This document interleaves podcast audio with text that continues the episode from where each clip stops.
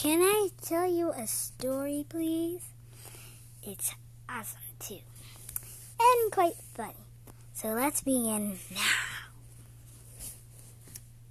My story is about a cookie. About a cookie who ran. Once upon a time, there was an old lady who worked in a house, and one day she was going to make a gingerbread man. She made a gingerbread man, and that's done. After she was done, she added a mouth, and then the cookie came alive, and then ran away. And then the woman was chasing after the gingerbread man. And then they she ran and ran and then a pig saw her and said, You look delicious for my dinner. And then the pig chased for the gingerbread man.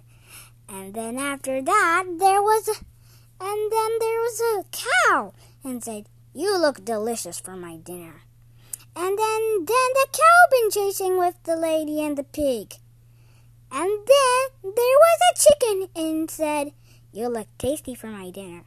And then the chicken joined the pig and the lady and the cow chasing the gingerbread man. And then there was a lake.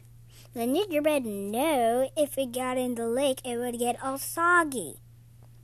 So then a fox, a cheeky fox, came along and said, "I will take you over the water." And then it and it said, "Get on my head." and then the gingerbread did that.